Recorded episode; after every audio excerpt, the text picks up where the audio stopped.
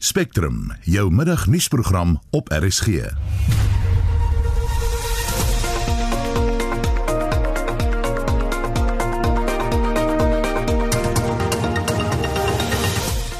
In die program staatsdiensvakbonde vra groot salarisverhogings.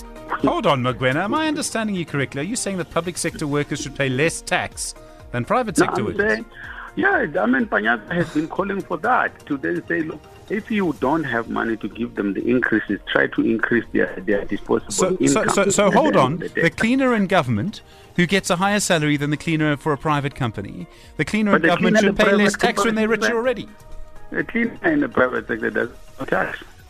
En die burgemeester van die Nelson Mandela Bay Metro is skepties oor die Port Elizabeth se nuwe naam. Firstly, uh, I must say, Gqeberha is not a Xhosa name, and uh, it cannot be used uh, as a Xhosa name because there's no origin of this name in a Xhosa language. En die voorgestelde nuwe grondhof ontlok uiteenlopende reaksie. Goeiemiddag, welkom by Spectrum. Ek is Susan Paxton.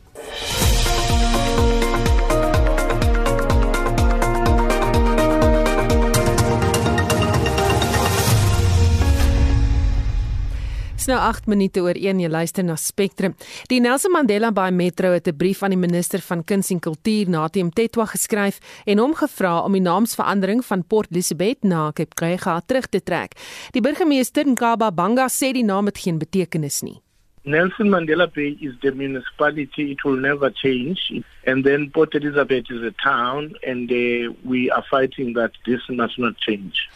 Firstly, I must say, Gqeberha is not a Xhosa name, and uh, it cannot be used as a Xhosa name because there's no origin of this name in the Xhosa language. They are claiming that it comes from the Khoi and the San. Banga sê nie een van die name wat voorgestel is is oorweeg nie. If, if you want to name it in a Khoi and the San language, you must write it in a Khoi and the San language. Because one of the things about the restoration of uh, languages is that these languages must be written in their own origin language. Therefore, you cannot take another language and write it and claim, because in Xhosa there's no meaning of of a, of the name Gqeberha. There's no such a name there is an original name of Xhosa. Therefore, if you wanted to use Xhosa name, you're supposed to use the original name of Xhosa, which were proposed. That's one of the reasons why we, we oppose this name. The second thing is that there were a number of names submitted, um, uh, pro- proposed by communities in relation to this, which unifies. One of those names was the Mandela City, which was unifying everybody. Therefore, the issue here it's not about changing or not changing the names. It's that this name, Gqeberha, does not necessarily unify the people and not, therefore the minister cannot claim it comes from the Xhosa language. It is a Khoisan language and it's supposed to be written in Khoisan. The Gqeberha is written, it's not the original language. Banga sê die tydsberekening van die naamsverandering is ook verdag. That this has just destroyed the economy of our city. 42% of our people are unemployed. Using this name is just going to erase our city as a tourism destination. And uh, the timing of renaming the city under these difficult conditions of COVID and the, the increase in unemployment rate in our town, it's a problem. We needed something that will inspire and bring confidence and attract people into our city, but this decision does not help us with both. Banga sê die naam gaan nie posvat onder die gemeenskap nie. You see, as long as you impose names that are rejected by people, people don't use those names. Like Makanda, people in Grahamstown, they still continue calling it Grahamstown or Ichim, you know? And uh, even in Port Elizabeth, people, it's either they call the city as Ibai or Port Elizabeth. And you can have your name as put it official, but people refuse. You do these things through an extensive participation of people. Nelson Mandela Bay, people identify with it and they own it as a municipality because they participated in that process. Now, when you give them a name they reject, they are not going to use it. You will use it alone. The people of Nelson Mandela must be given an opportunity extensively as they have proposed a number of names. En dit was die burgemeester van die Nelson Mandela Bay Metro in Kaba Banga. Die afgetrede konstitusionele hofregter Johan Kriegler en die organisasie Freedom and the Law dring daarop aan dat die Wes-Kaapse Hooggeregshofregter Jon Kloppie geskort moet word. Dit nadat Kloppie die saak teen ANC LP Bongani Bongo verlede week uitgegooi het. En ons praat nou met oudregter Johan Kriegler. 'n Goeiemiddag regter. Middag Susan en middag vir die luisteraars. Jy sê dat die uitspraak weer daarop wys hoekom John Kloppie nie geskik is om 'n regter te wees nie. Verduidelik vir ons. Susan, mens kan lank praatjies praat en omdraai en loop. Die essensie daarvan is dat dit 'n oneerlike uitspraak is. Dat dit 'n perverse uitspraak is wat die feite wat wesentlik is ignoreer randfeite tot sentrale feite verhef en hulle dan nog bovendien verwring. Dit is 'n oneerlike uitspraak. Dit getuig daarvan dat regter Sloppe nog steeds die ongeskikte persoon is wat hy is sien hy 12 jaar, 13 jaar gelede in Braamfontein die twee konstitusionele hofregters ten gunste van uh, destydse adjunkt president Zuma probeer beïnvloed het. Die ja. man kan nie sy hande in die politiek skoon hou nie. Ek wou net vir gevra het oor daardie stukkie geskiedenis uh weet met die saak teen uh toe die adjunkt president Jacob Zuma. Herinner ons net weer wat daar gebeur het. Uh, Regter Slope het op twee afsonderlike geleenthede van sy kantoor hier in die Kaap af Braamfontein toe gery en hy het daar met een van die regters en toe by 'n latere geleentheid 'n week of twee later met 'n ander van die regters wat besig was om hulle uitspraak te skryf in 'n sleutelbeslissing oor die toelaatbaarheid van getuienis teen meneer Zuma om met hulle te praat oor daardie uitspraak en die meriete van die uitspraak in die hof wat op appel was oor die konstitusionele hof. Die twee regters het gesê hy het hulle probeer beïnvloed. Hy het gesê nee, hy kan net 'n spraatjie gaan doen. Hy hy hy koop dit was spraatjies aan as hy van Kaapstad af Johannesburg toe ry om te gaan gesels. En daardie saak het nou Desember verlede jaar eers eintlik op die op die spits gedryf geraak. Uh ons wag nog op die uitspraak oor oor daardie verrigting.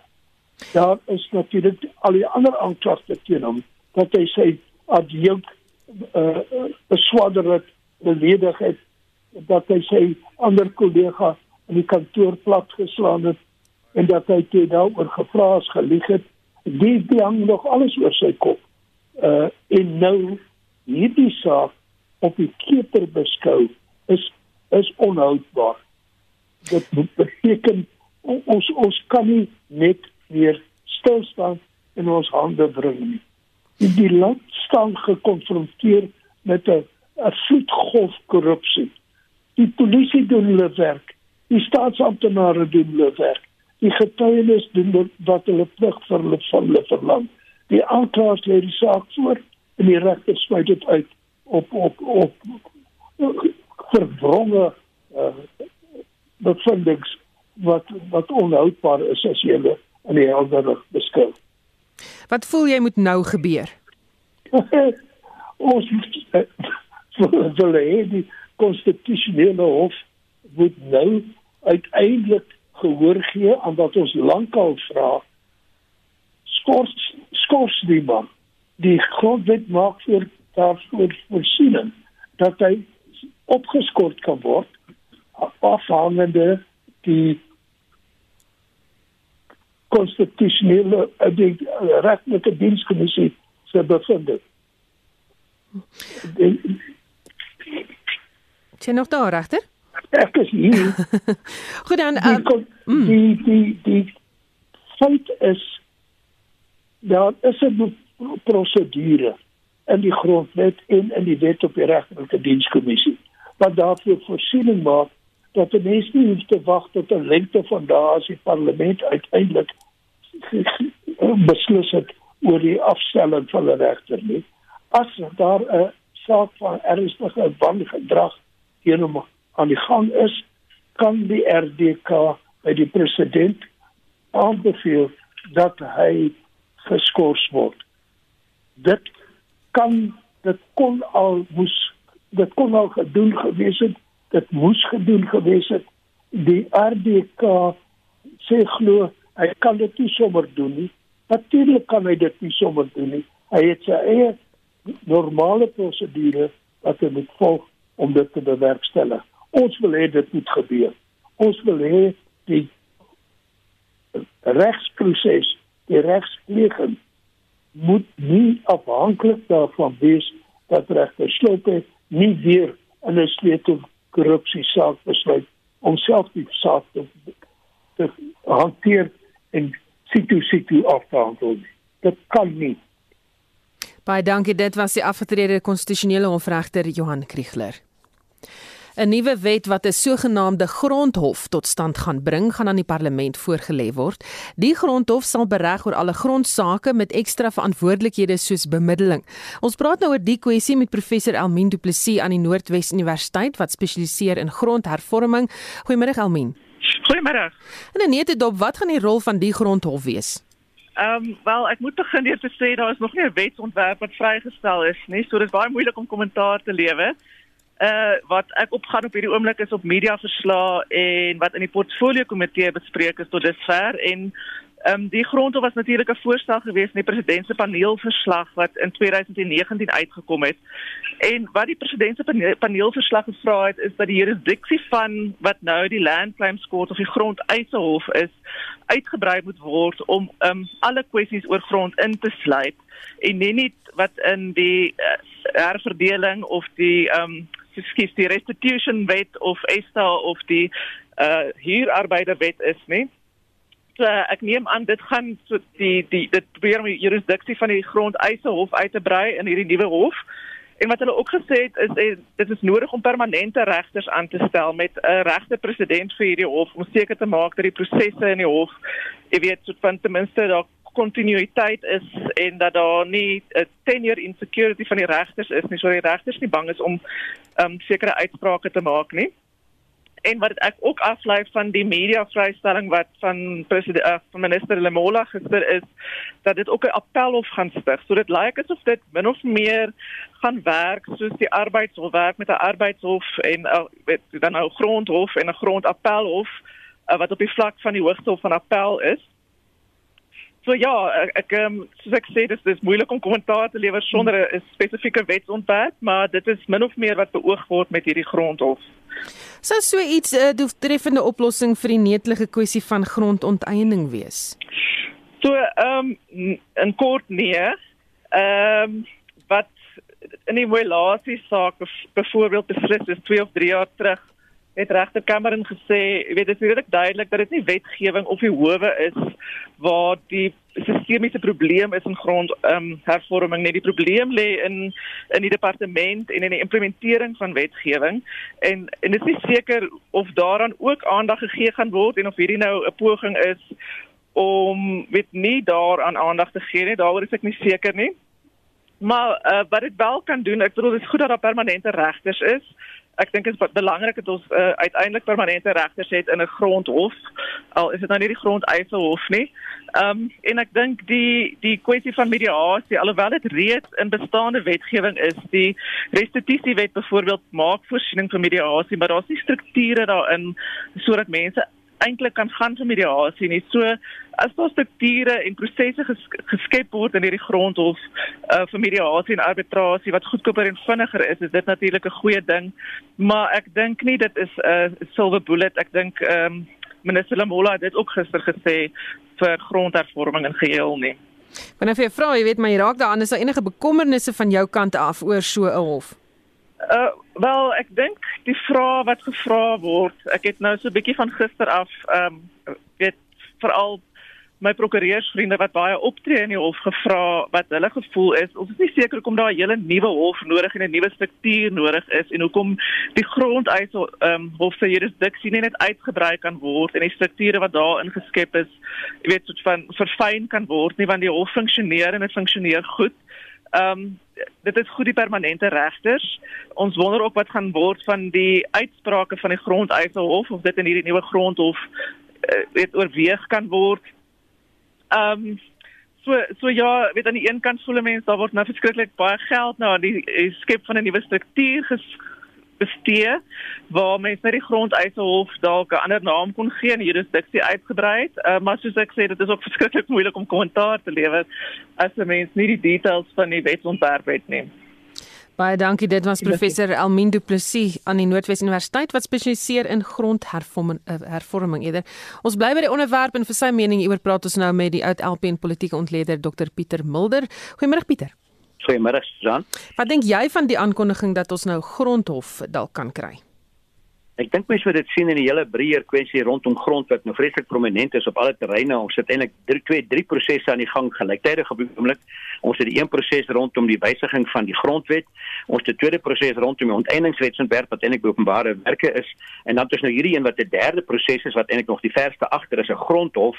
En uh, ek kan nie anders as om dit te sien teen die ANC se 2017 konferensie nie waar daar besluit oor grondonteiening sonder vergoeding geneem is. En onthou nou op die huidige stadium gebruik meneer Ramaphosa se vyande dit teen hom en hy sê hy is onwillig om die ANC kongresbesluite uit te voer. En ek kry eintlik van daar af is daar nou druk om resultate te kry. Want daar is 'n ANC konferensie wat op pad is, die halwe termyn kongres kongres moet kom. Daar is 'n plaaslike verkiesing en dit kan wees dat in die lig hiervan hier skielik gedruk word nou ook 'n grondhof skielik moet inkom om die sinne te bevorder en vinniger te maak en dis al hoe ek dit in die breë prentjie kan sien ja. Onder watter omstandighede sal die hof doeltreffend wees of effektief wees?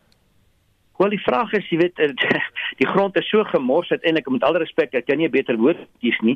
Die staat besit op hierdie oomblik 5300 plase wat in besit van die staat is. Hy kan daai plase onmiddellik aan mense gee, kom ons sê dan aan swart eienaars gee as hy wil.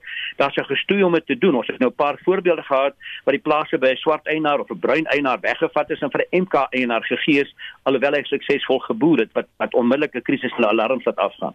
Hoekom gee hy die plaas nie? Aan die ander kant wil hy die eiendomsreg gee nie. Hy gee die plaas maar die man kry nooit eienoomsreg nie. Dit beteken hy kan nie bank toe gaan om te gaan eis daar nie. Nou sit hy en wag vir die staat om hom te help dan sy mislukking. Dan sit hulle 'n nuwe jokkie op die plaas. En dis 'n gestoei. As ons net hierdie feit dat hulle in plase benut, het ons al klaar ver gevorder met grond uh, vir grond na swart mense toe en met transformasie. Uh, daar's 1700 plase wat agterstallig is wat nog moet vergoeding kry en ek is nog eise wat staan Tito Mboweni het nou gesê nee goed hy begroot 9 miljard om daai eise te betaal. So is dit top agterstallige werk voor ons dan by nuwe sake kom. Dis hoekom ek ongelukkig dit sien teen hierdie groot groter prentjie.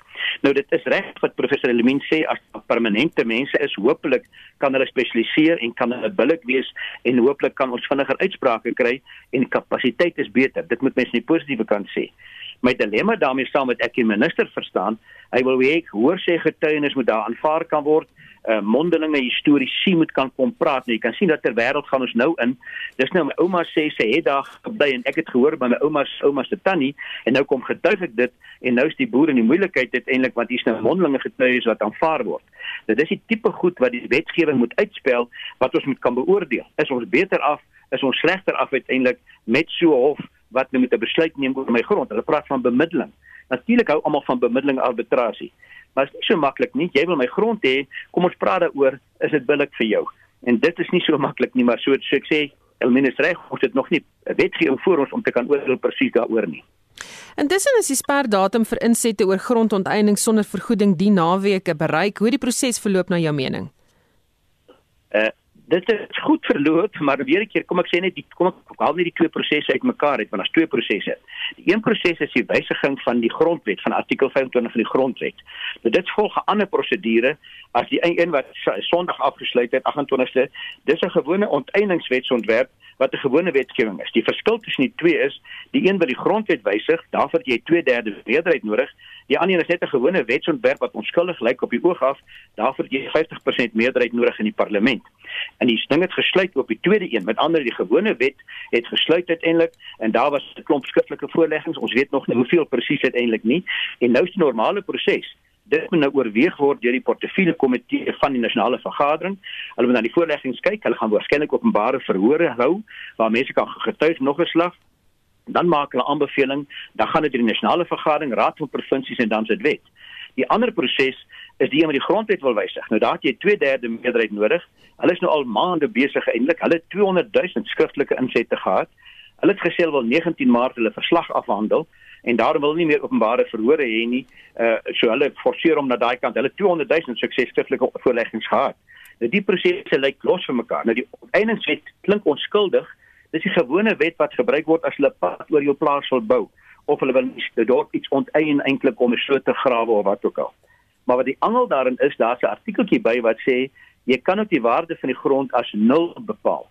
Nou nou middelik nou begin ons die goed aan mekaar koppel. Onteiening plus die grondwetwysiging vir hierdie een. En ek kry die indruk die ANC probeer die grondwetwysiging vryspring deur somme in hierdie een in te sit. Jy kan ook nul waarde aan grond gee en dit dan vinnig met 'n feit of sit meerderheid deur te kry.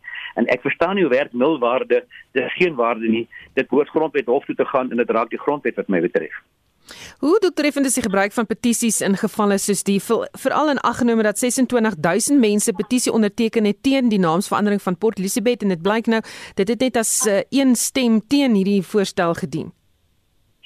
Wel petisies is 'n manier kom ek sê wat die wat die gekheid was met my betref rondom bevoel die uh, die voorleggings die 200 000 skriftelike voorleggings toe daar geargumenteer is nou in die komitee oor die grondwetwysiging en gesê is ons wil nou ook weer mondelinge voorleggings hê. Toe sê gesê nee nee nee ons het uh, daar was 'n geleentheid gewees. En toe vat hulle die mense wat voorgeleem het, daar was 'n klomp sulke openbare verhore gewees. Uh, ook in Port Elizabeth interessant was daar in 2018 uh, my die mense kom praat. En hulle sê hulle daar het 1800 mense by die mikrofoon kom praat. 80% was gunstig, so dis positief. En dan sê die ander argument van die oppositie sê, "Hey, wat is die skriftelike oorwegings? Hier is oorweging van die banke. Wat sê dit implikasies vir die bankwese as jy dit wegvat, 'n stortfondsstelsel en duie?" Is van die landbouorganisasies dit dra tog seker meer gewig en dan word dit van die tafel gevind sê ag nee dis nie belangrik nie. Nou 'n petisie op sy beste is maar 'n klompie mense wat voorregging maak. Ek kan nie sien hoe kan hy sê dit tel net een nie. Jy kry petisies wat uiteindelik 'n standaard vorm is op die internet wat al die mense invul dieselfde. Ampertykeer sê die ANC ag dit is net een ou wat baie keer is. Ek het toevallig gaan kyk na die Polisiebed situasie en ek sien die Vryheidsfront lid eh, Theo Kutse het vrae gevra daaroor oor hoe werk hierdie petisie en die argument was dit was 'n petisie op sosiale media soos van dieselfde een praat. Die petisie het gesê keep the name for Elizabeth. En uh, dis nie ingehandig op die regte plek nie so ons stel hom dan nie daarby nie. So dis hierdie hele speletjies wat gespeel word en ek sê dit gaan lyk my meer oor verkiesing as wat oor ander goeters gaan dat 'n petisie telpunte minister moet aandag daaraan gee, maar dit op sy beste is dit net 'n beraadslaging en dis advies. Hy is nie verplig om daarna te luister uiteindelik nie. En dit lyk my telkens voor 'n verkiesing, dan word dit goed gedruk aan al kante toe. Het sy die grondhof wat nou deurkom of dan die polisie by ding uiteindelik. En dan gaan dit meer oor politieke myle te kry as regtig die belang van die land, ekonomiese stabiliteit, ekonomiese groei wat so belangrik is tans.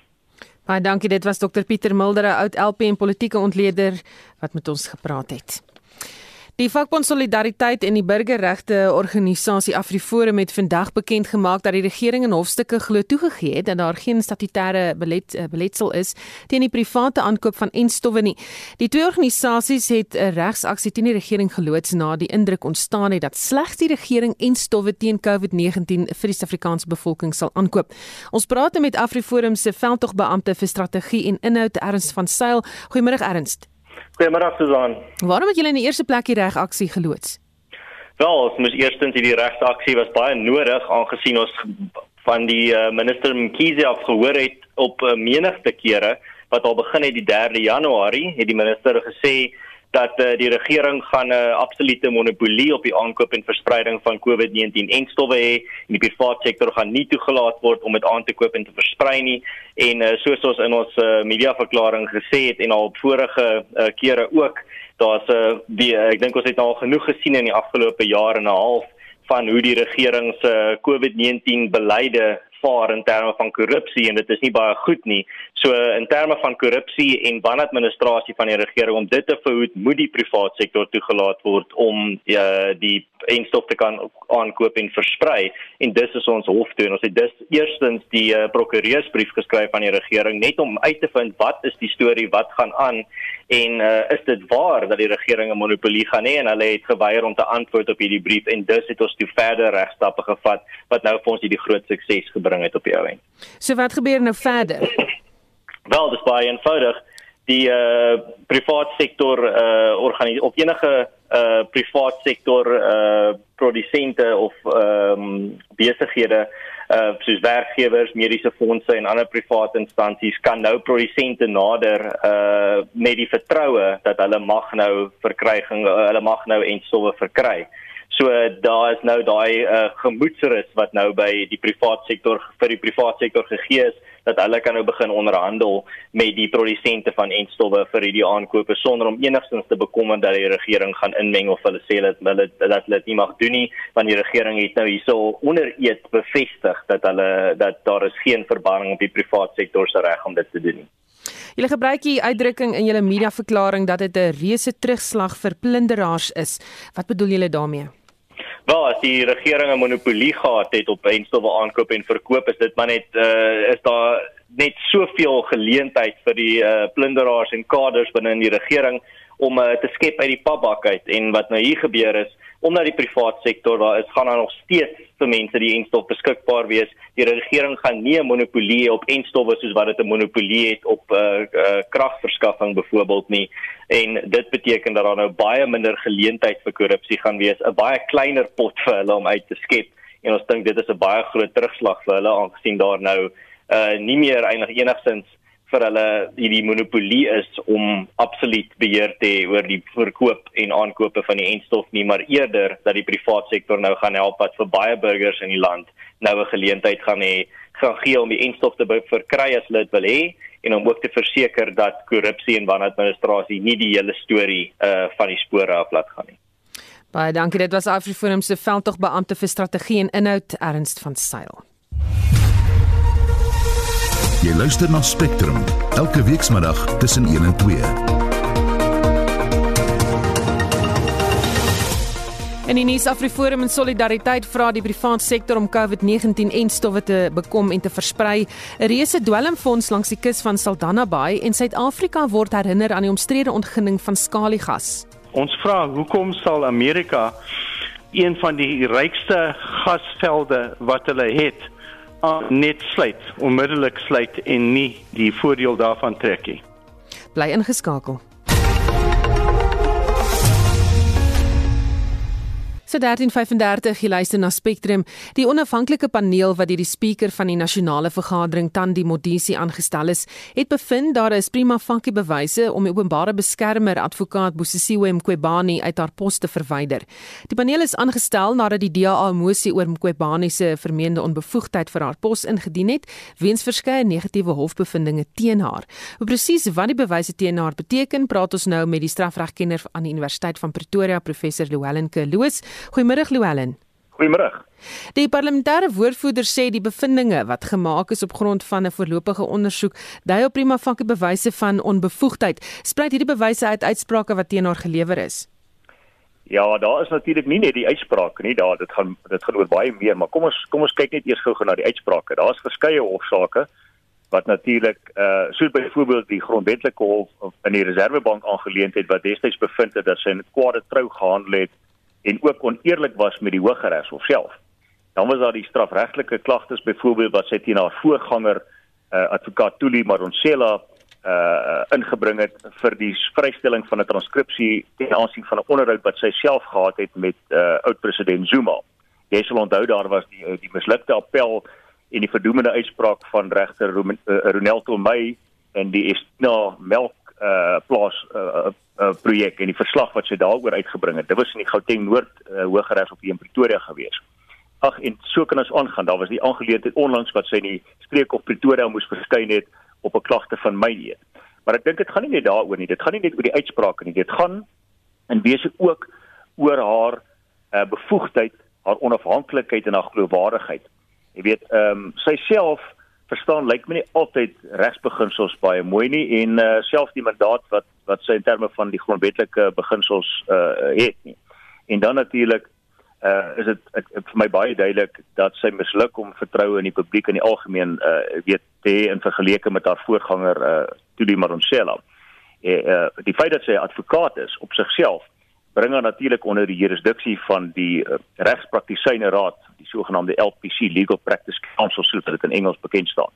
En in terme van daardie wetgewing wat ons in 2014 November maand in werking getree het en waaronder alle prokureurs en advokate uh in geleedere resorteer, is dit natuurlik ook so dat sy nie net uh geoordeel word aan haar amp as openbare beskermer nie, maar ook uh of sy bevoeg en geskik en gepas is as advokaat om voort te gaan in daardie in in in in in, in daardie kapasiteit. So daar's 'n hele klomp uh, aangeleenthede wat wat wat wat saam in ag geneem moet word, maar uh, ek dink haar daar kan dalk getel wees as jy my vra.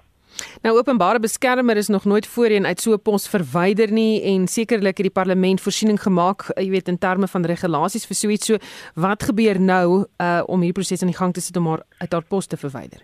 Ja, kyk, sy sal as dit gebeur die eerste hoofstuk 9 hoof wees wat in 'n staat van beskuldiging geplaas word deur die parlement. Nou in terme van die uh van van daardie beginsels uh moet natuurlik die ondersoek plaasgevind het en hier is nou hierdie hierdie hierdie hierdie aanduiding dat sy ten minste prima facie is die bevinding gemaak dat sy onbevoeg is vir haar amp.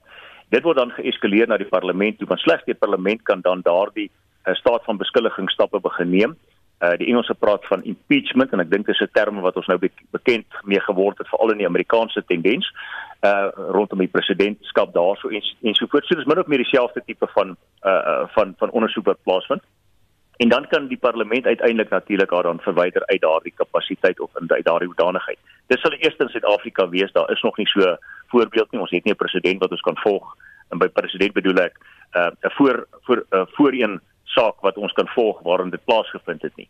Ehm um, maar prima facie en dit beteken natuurlik en ek moet dit net net in baie duidelik stel vir vir ons luisteraars beteken met die eerste oogopslag. So dit beteken nie dit is die einde van die wêreld nie. Sy het natuurlik nog by wyse van haar eie regte, grondwetlike regte uh, as aangeklaagde die beginsels van natuurlike geregtigheid uh, waarin sy haar kant van die saak ook gehoor kan word en sy kan dit beveg nog solank as wat sy kan. Sy kan self daardie bevindinge later op hersiening neem. So daar's nog 'n klomp uh, water wat in die see moet loop, maar hierdie is ten minste die eerste stappe wat my aanbetref in die regte rigting. Baie dankie. Dit was die strafregkenner aan Universiteit van Pretoria, professor Louwelen Kerloos. Nou, ons het vroeër in die program gepraat oor 'n nuwe voorgestelde wet wat 'n grondhof tot stand gaan bring wat aan die parlement voorgelê gaan word. En vir sy mening oor die kwessie praat ons nou by die bestuurshoof van die werkgewersorganisasie NIHASA, Gerard Papenfoes. Goeiemôre Gerard. Hallo Susan. Hoe sal so 'n hof julle sektor beïnvloed? Wel, dit uh, uh dit gaan uh alle alle ehm um, eienaars van uh eiendom nou. Eiendom uh, ek ek ek glo ek myself in die rede val. Die die die ding dink ek is uitvloeisel uh of uh verdere stap rondom die expropriation uh uh onteieningswetgewing so in die onteieningswetgewing is baie wyd. Uh, dit gaan nie net oor plase nie dit gaan oor enige ding. Dit uh, die die woord uh uh land die property and land is is is, is baie wyd in die wet. En ek dink dis een van die probleme met die wet. Intedeel daar's baie probleme van die wet maar uh, die wet in sy wydste konteks gelees beteken alles. Alles wat aan iemand behoort kan letterlik geexpropriate kan ge um, onteien word. So ehm um, as die ding na die hof toe gaan sal die hof dan daaroor besluit as dit daar uitkom en en dit daar's baie min bekend oor die wet ons in, ons weet maar eintlik min oor die ding behalwe dat dit 'n uh, 'n uh, 'n uh, um, uh, uh, hof is van uh, uh, van equity and fairness uh, billikheid en gelykheid. En dit is 'n wallige baie konsep. So jy weet wanneer jy praat van die arbeidshof is ook 'n soort gelyke hof. In in, in die arbeidshof anderste as in ander howe uh waar goed op feite besluit word word daar ook feite in 'n in 'n in die arbeidshof oor besluit maar dit is dit gaan oor billikheid. En dit billikheid is 'n is 'n baie uh 'n vaar term. Dit het baie te doen met die die subjektiewe mening van die persoon wat daar voorsit nou as jy kyk na hof wat hier hier is uh, 'n uh, man word vergoeding aangebied vir sy eiendom wat dit ook al mag wees en uh en daar is 'n verskil oor wat daardie vergoeding moet wees uh en die man sê maar hierdie hierdie eiendom is 10 miljoen rand werd en 'n ander ou sê die ander ou sê ja dit kan wees maar as jy kyk na die historiese ongelykheid ensovoorts gaan ek jou 1 miljoen of selfs niks aanbied en as daai ou besluit maar dit is billik, uh dan is dan kan dit so wees. So dis baie vaag. Nou hoekom moet sê ons daai is vaag wel omdat die uh onteieningswet baie vaag is. En ek dink die onteieningswet uh, staan 'n kans om in uh om ongrondwetlik verklaar te word. Ek dink daar is daar is ooglopende tekortkominge in die wet. Nou ons weet nie hoe dit gaan uitspeel nie. Ons uh, wie is uh, is daar duisende kommentare vir die parlement gegee of die komitee wat daarmee werk en hulle mag hulle dalk daaraan steur. Uh, of hulle gaan hulle dalk nie daaraan steur nie. So ehm uh, as die wet in sy huidige vorm voortgaan, dink ek gaan daar 'n klomp uitdagings uh, teen die wet wees. Nou die, die, wat gaan verander in hierdie wet? sal natuurlik 'n invloed hê op wat in daardie hof gebeur. Ja. Uh, uh ja. Gaan jy dan nie rede moet val net vir die tyd. Ehm um, julle op 'n ander noot het vroeër vanoggend het jy en die ekonom Mike Schuessler die risiko's verbonde aan die nuwe grondonteieningswetsontwerp vir sakebeleid bespreek. Kan ja. jy die risiko's vir ons saamvat kortliks?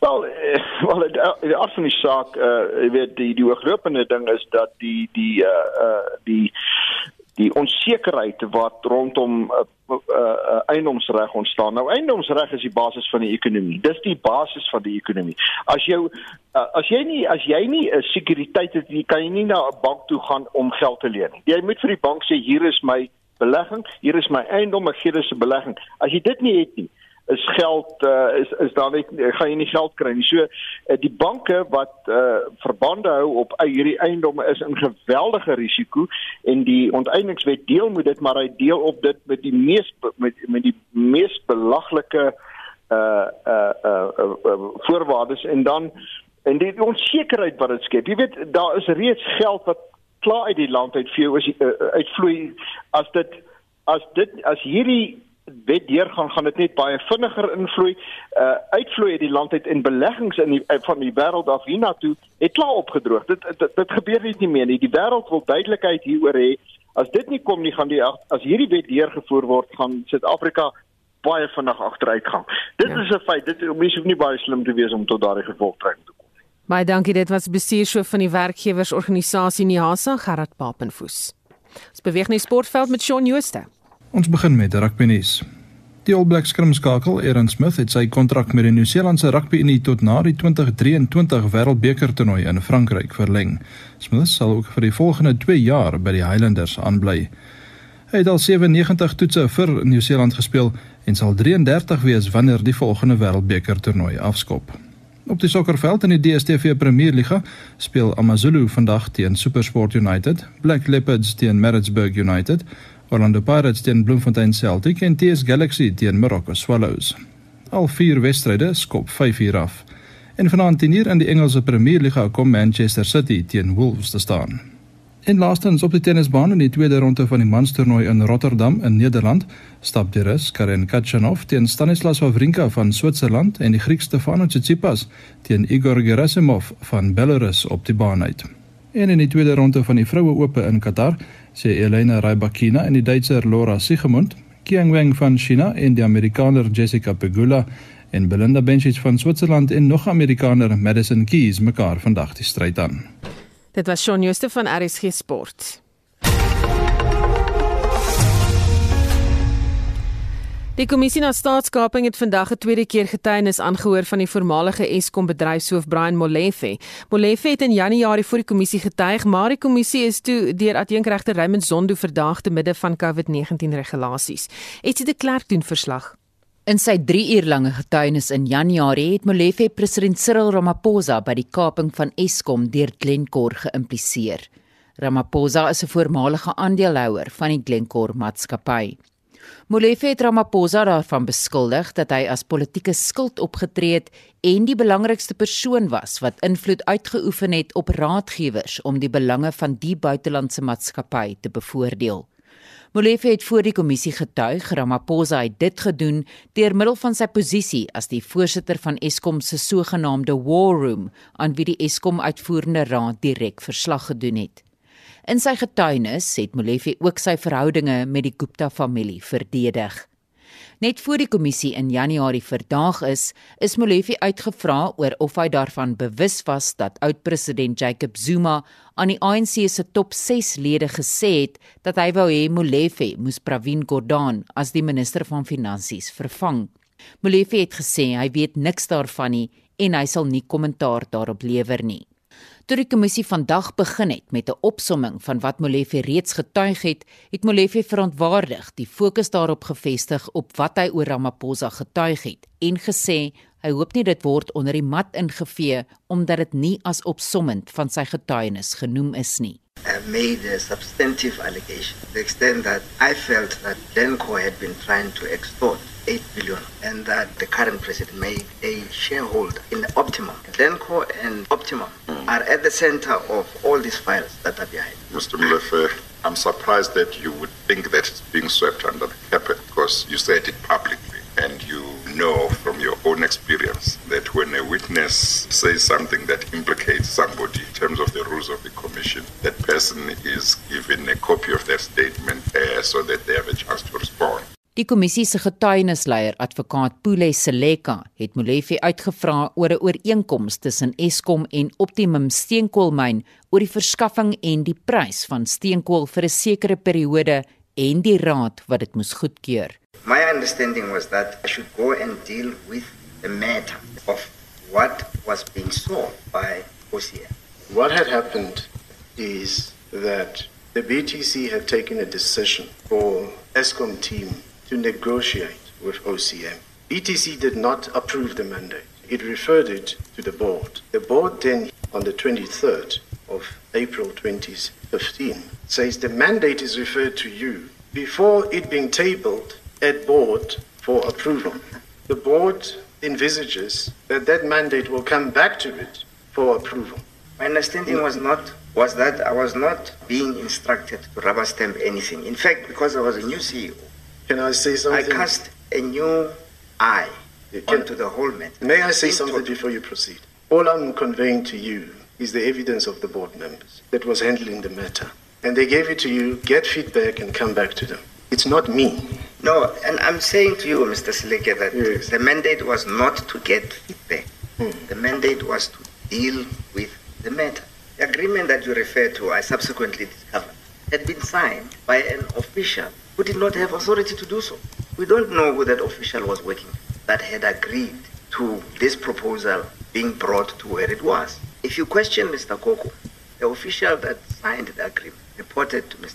Mr. Koko was not even aware at the time that the agreement was signed. I looked at it objectively and I found it to be preposterous and unacceptable. You didn't take the matter back to the board for, the, for its approval? I even suspected that the cooperation agreement was ultra vires. There was nothing to negotiate. What Optimum was putting on the table was preposterous and illegal because yes. we had an existing agreement that they would pay us 150 rand for coal until 2018. Molefe het bygevoeg sy verhouding met Optimum het egter reeds begin toe hy die bedryfshoof by Transnet was en hy aan die stuur gestaan het om 100 nuwe lokomotiewe te koop. It was because Transnet had not been giving a good service to the coal industry, transport their coal to Richards Bay, because the locomotives on that line were very old, 40 year, 50 year old locomotives, and they were breaking and unreliable. Then said to the coal industry, we will buy the locomotive at huge expense to Transnet, but you guys must agree that we will sign take or pay agreement. When the take or pay agreements are signed, it means that when the locomotive arrives at your mine, you can't tell us that you don't have coal that needs to go to Richards Bay. The entire industry agreed, except one company, Optima, in 2004. They refused to sign the take or pay agreement. I said to Mr. Gama, please call Mr. Efron and tell him that we're coming to his office now. And I arrived there and I told him, Mr. Efron, that Mr. Efron, if you don't sign this take or pay agreement when the entire industry has signed, we will not give you trains. Mr. Efron's response was, we are waiting on ESCO to sign certain agreements with. Us. When those agreements are signed, we will be happy to sign your take or pay agreement. I said to him, I'm not interested in ESCOM. The fact of the matter is that if you don't sign in the next 24 hours, you will not get trains from us because the whole industry has signed. Mr. Efron reluctantly signed. Unbeknown to him and to myself, I'm then seconded to go and become group chief executive of ESCOM. A month later, literally. And when I arrive there, here's Mr. Efron with the agreement that he's waiting for. And that agreement is basically extorting. And I felt that, you know, Optima said to us they won't sign take or pay agreements because they're waiting for an agreement. Meantime, this is the agreement that they're waiting for. So that is a bit of background, Chairperson, to explain my frame of mind when I dealt with the Optima men. It's because perhaps I knew too much. Net voor middagete was Molefe steeds besig om te getuig. Ek is Estie de Klerk vir SAK nuus. Môre die 3de Maart is Wêreld Natuurlewe Dag, maar vir die navorsers by die Wêreld Natuurlewe Fonds is elke dag Wêreld Natuurlewe Dag. En as deel van die organisasie se poging om biodiversiteit te bewaar, is daar 10 kameras aan wynplase gegee wat kan vasstel watter soort wildlewe steeds daar rondbeweeg. Nou die foto's toon dat daar nog baie wild in die Kaapse wynland is. En ons praat nou met Jacques van Rensburg van die WWF. Goeiemôre Jacques. Goeiemôre, hoe gaan dit? Met my gaan dit goed, maar vertel ons 'n bietjie meer van hierdie projek. Hoekom doen julle dit? Well, okay, so Jerry J5 Global Environmental Fund het ons befondsing ontvang om camera traps aan te skaf wat ons dan aan ons WWF lede verskaf het om te help met hulle uh, wildmonitering. As 'n nie indringende moniterings en is kamera lokvalle 'n effektiewe, akkurate en vinnige manier om spesies rykdom skattings van medium tot groot terrestriële soogdiere saam te stel. As 'n bykomende voordeel is dit dat hulle soos permanente veldwerkers dag en nag in die reën en sonskyn werk. Die kameras is nie selektief vang alles op wat beweeg en dis ideale geleentheid om data in te versamel.